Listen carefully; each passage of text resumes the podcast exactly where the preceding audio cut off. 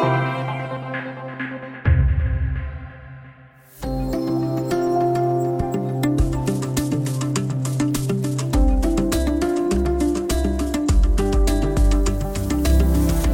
Högerpopulistiska sidor fortsätter att ha ett dominerande inflytande på svenska Facebook.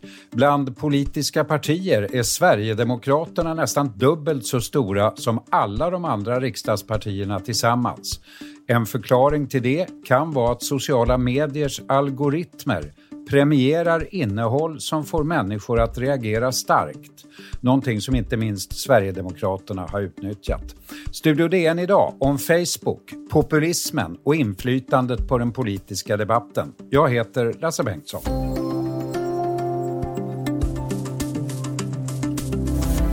Facebook används varje dag av drygt hälften av alla svenskar över 12 år. Ungefär en tredjedel har det sociala nätverket som nyhetskälla. Inflytandet är enormt. Sverigedemokraternas Facebookinlägg har aldrig fått så många reaktioner, kommentarer och delningar som under augusti i år. Välkommen Hugo Evald som under lång tid har undersökt de här frågorna för Dagens Nyheter. Hallå, hallå! Hur stor, eh, Hugo, skulle du säga att den allmänna medvetenheten är om Facebooks inflytande över den politiska åsiktsbildningen i Sverige? Jag tror att svårigheten där är att de flesta svenskar tror jag liksom ser Facebook och sociala medier som ett sätt att liksom koppla av, ta det lugnt efter jobbet och kanske liksom inte som ett forum för just politisk debatt, för nyhetsspridning, för propagerande så att säga. Men det finns ju en grupp människor som är väldigt engagerade på sociala medier, som spenderar väldigt mycket tid med att sprida politiska åsikter och Eh, på så sätt får ganska stor makt över vad det är som sprids på plattformen och som därmed syns i mångas flöden. Alltså att de som än inte riktigt söker upp den här informationen, de får ändå del av den så att säga.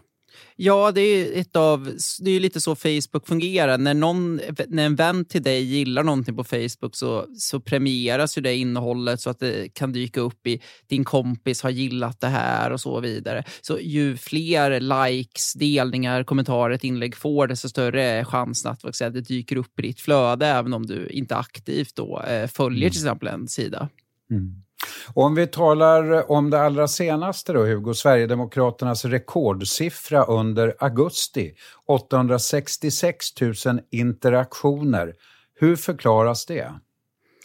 Ja, äh, interaktioner är ju alltså äh, gillningar, äh, alltså reaktioner, kommentarer och delningar så att säga på samma gång. och Sverigedemokraterna har ju då helt enkelt satt rekord under den senaste månaden. Vilket, Varför då? Väl, det är svårt att säga. Jag tror att när man kollar liksom vilka inlägg de har som har fått, gjort som har fått stor spridning så rör det sig om, liksom många olika ämnen. Vissa handlar om covid-19, vissa handlar om kriminalitet och så vidare.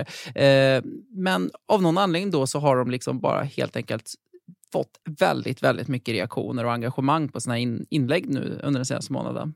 För jag har förstått att det blev en avmattning, inte sant, för den högerpopulistiska dominansen just i början av själva coronapandemin. Men är den tillbaka igen nu? Ja, när vi kollar på statistiken, vi har ju då en serie vad ska jag säga, vänsterpolitiska sidor, en serie högerpolitiska sidor och så vidare som liksom vi följer över tid då, eh, här på DN. Och det man kan se är att de högerpopulistiska sidorna vi följde, de, liksom, de sjönk, fick mindre delningar, kommentarer, gillningar då när pandemin trädde i kraft. Men nu har det liksom gått upp gradvis igen under sommaren. De är fortfarande inte uppe på lika höga nivåer som under till exempel riksdagsvalet 2018 när man var liksom större än alla svenska dagstidningar tillsammans, de här sidorna vi följer. Men man är liksom på uppgång och framförallt är det ju då Sverigedemokraterna som är lite separata är ett politiskt parti, men det är de som liksom i en ännu högre grad som verkligen börjat öka nu sen sommaren. De eh, är dominanter kan man säga. Hur skulle du beskriva Sverigedemokraternas hantering då av sociala medier om man jämför med de andra partierna? Hur medvetna är just de om algoritmernas betydelse? Jag tror att man är väldigt medveten och man har haft ett väldigt eh, strategiskt och bra eh, sociala medier-strategi eh, sen, ja, sen man började med sociala medier aktivt för kanske fem år sedan. Man fokuserar mycket på bilder, tydliga budskap, publicerar innehåll som liksom man vet kommer få eh, människor att engagera sig. Liksom. Och eh, man jobbar mycket till exempel med enkla bilder som är lätta att dela. Och Eh, det har funkat väldigt effektivt och Sverigedemokraterna är liksom i princip oslagbara när det gäller liksom just den här strategin. De jobbar liksom inte på samma sätt som många andra partier kanske gör med långa inlägg som folk kanske inte orkar läsa och så vidare. Kan man eh, eh, jämföra dem med Trumps dominans över demokraterna i USA? Ja, det är ju i samma trend så att säga. Det, de amerikanska demokraterna, Joe Biden, eh, deras presidentkandidat och deras kongressledamöter är ganska små på Facebook i jämförelse med den liksom enorma eh, liksom apparat som Donald Trump har på sociala medier. Och det, det är ett väldigt det, det, påminner lite i strategin det här om att man går hårt fram, det ska vara tydliga budskap och eh, man riktar in sig noga mot den målgruppen man vill nå. så att säga. Skulle de andra svenska partierna då kunna göra mer och i så fall vad? Ja, de, det, det, skulle de nog ganska definitivt kunna göra. Problemet är ju att eh, lite om, delvis av det, delar av det som kan förklara Sverigedemokraternas strategi är ju att de, genom att de liksom är det partiet som ses som minst rumsrent och så vidare, liksom, eh, framförallt tilltalar kanske människor som är väldigt engagerade på sociala medier. Personer som kanske har, eh, är centerpartister, liberaler och så vidare, kanske inte känner samma behov och ständigt liksom eh, liksom föra fram sitt budskap, för det ses liksom inte som eh, kontroversiellt på samma sätt. Och man har inte samma behov. Och, och det är svårare alltså med komplexa budskap än med raka rör, så att säga? Ja, precis. Och Facebook premierar ju ofta liksom bilder, videoklipp framför liksom textinlägg, så att säga. När vi kommer tillbaka ska vi tala om Facebooks inflytande över det politiska landskapet och kritiken för att man inte gör tillräckligt för att stoppa spridningen av desinformation.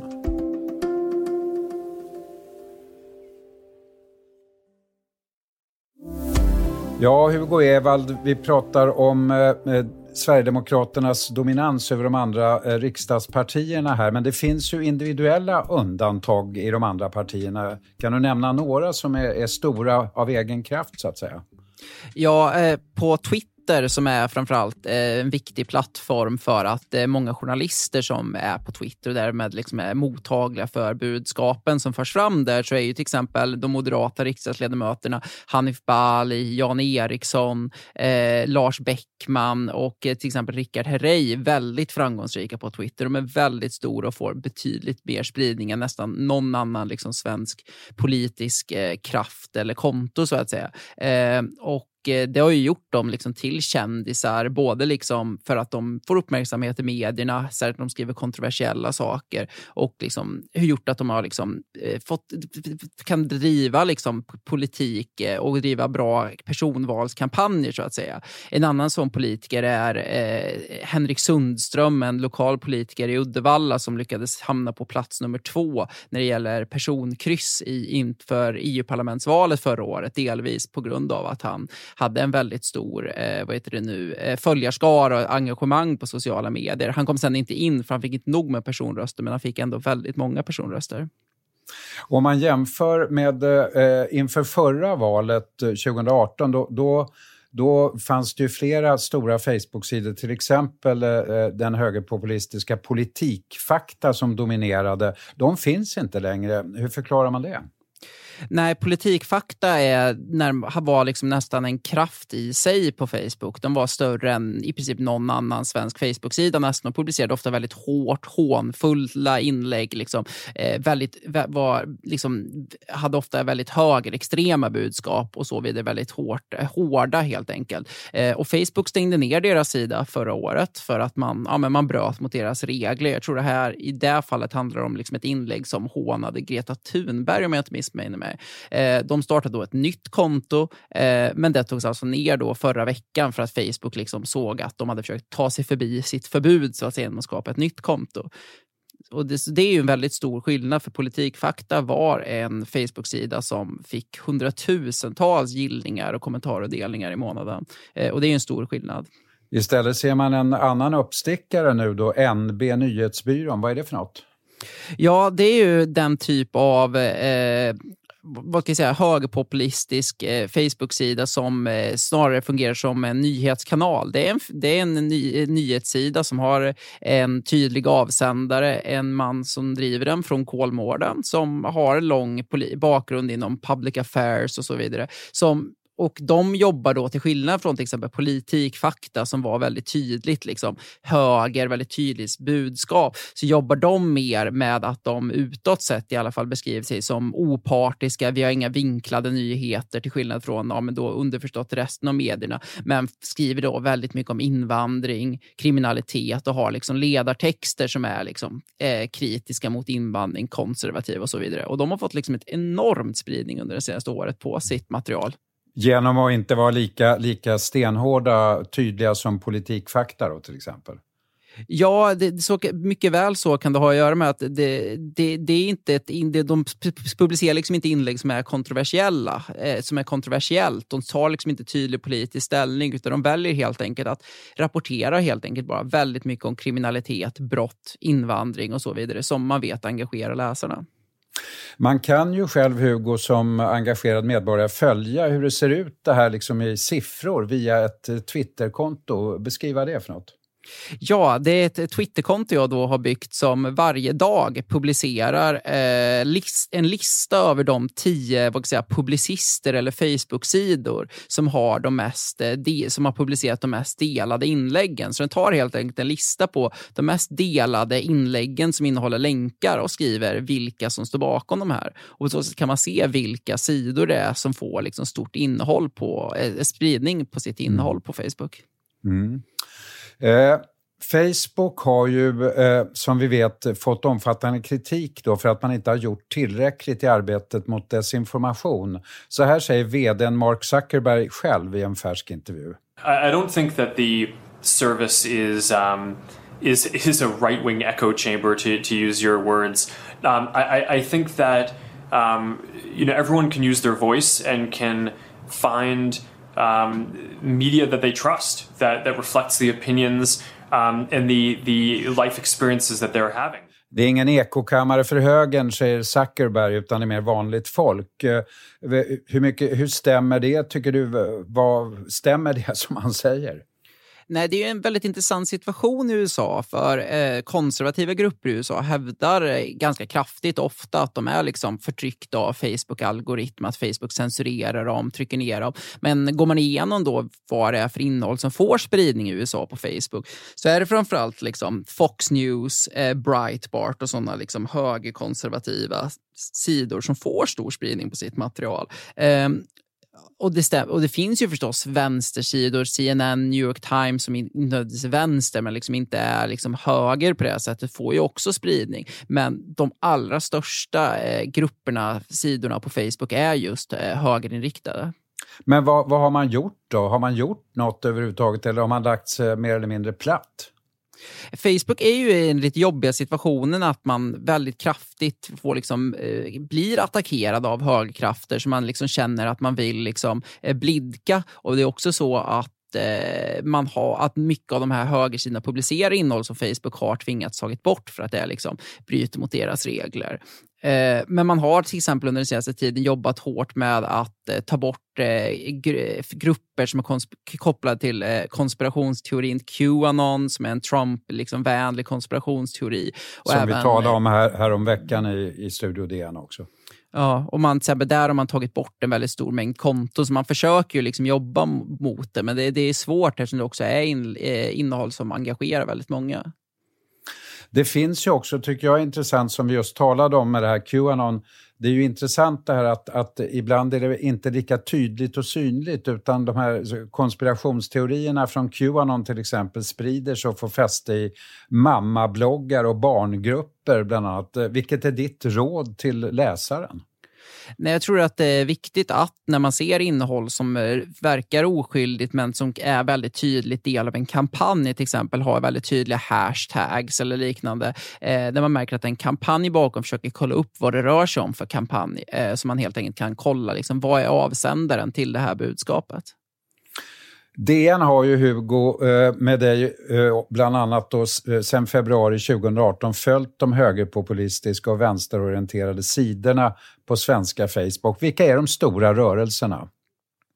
Eh, det man har sett är ju att det, det finns en serie liksom stora högersidor som till exempel Politikfakta numera nedlagt och Politiskt inkorrekt, NB Nyhetsbyrån. På vänstersidan har vi däremot till exempel eh, eh, nyhetssidan Aktuellt Fokus som är väldigt stor och får stort engagemang. Solidaritet igen heter en annan Facebook-sida som är liksom mer av en liksom ren propagandasida bara som också får väldigt stor spridning. Så det finns eh, innehåll på vänsterkanten också som får stor spridning men de är mycket färre och får inte lika stor spridning.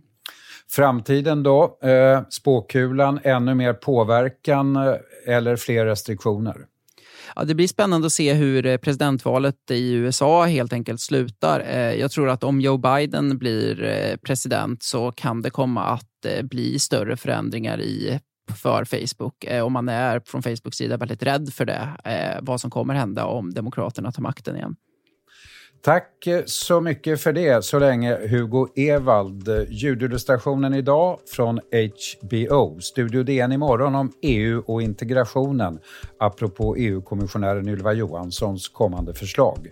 Studio DN görs av producent Sabina Marmelakai, exekutiv producent Augustin Erba, ljudtekniker Patrik Miesenberger, teknik Oliver Bergman, Bauer Media. Jag heter Lasse Bengtsson.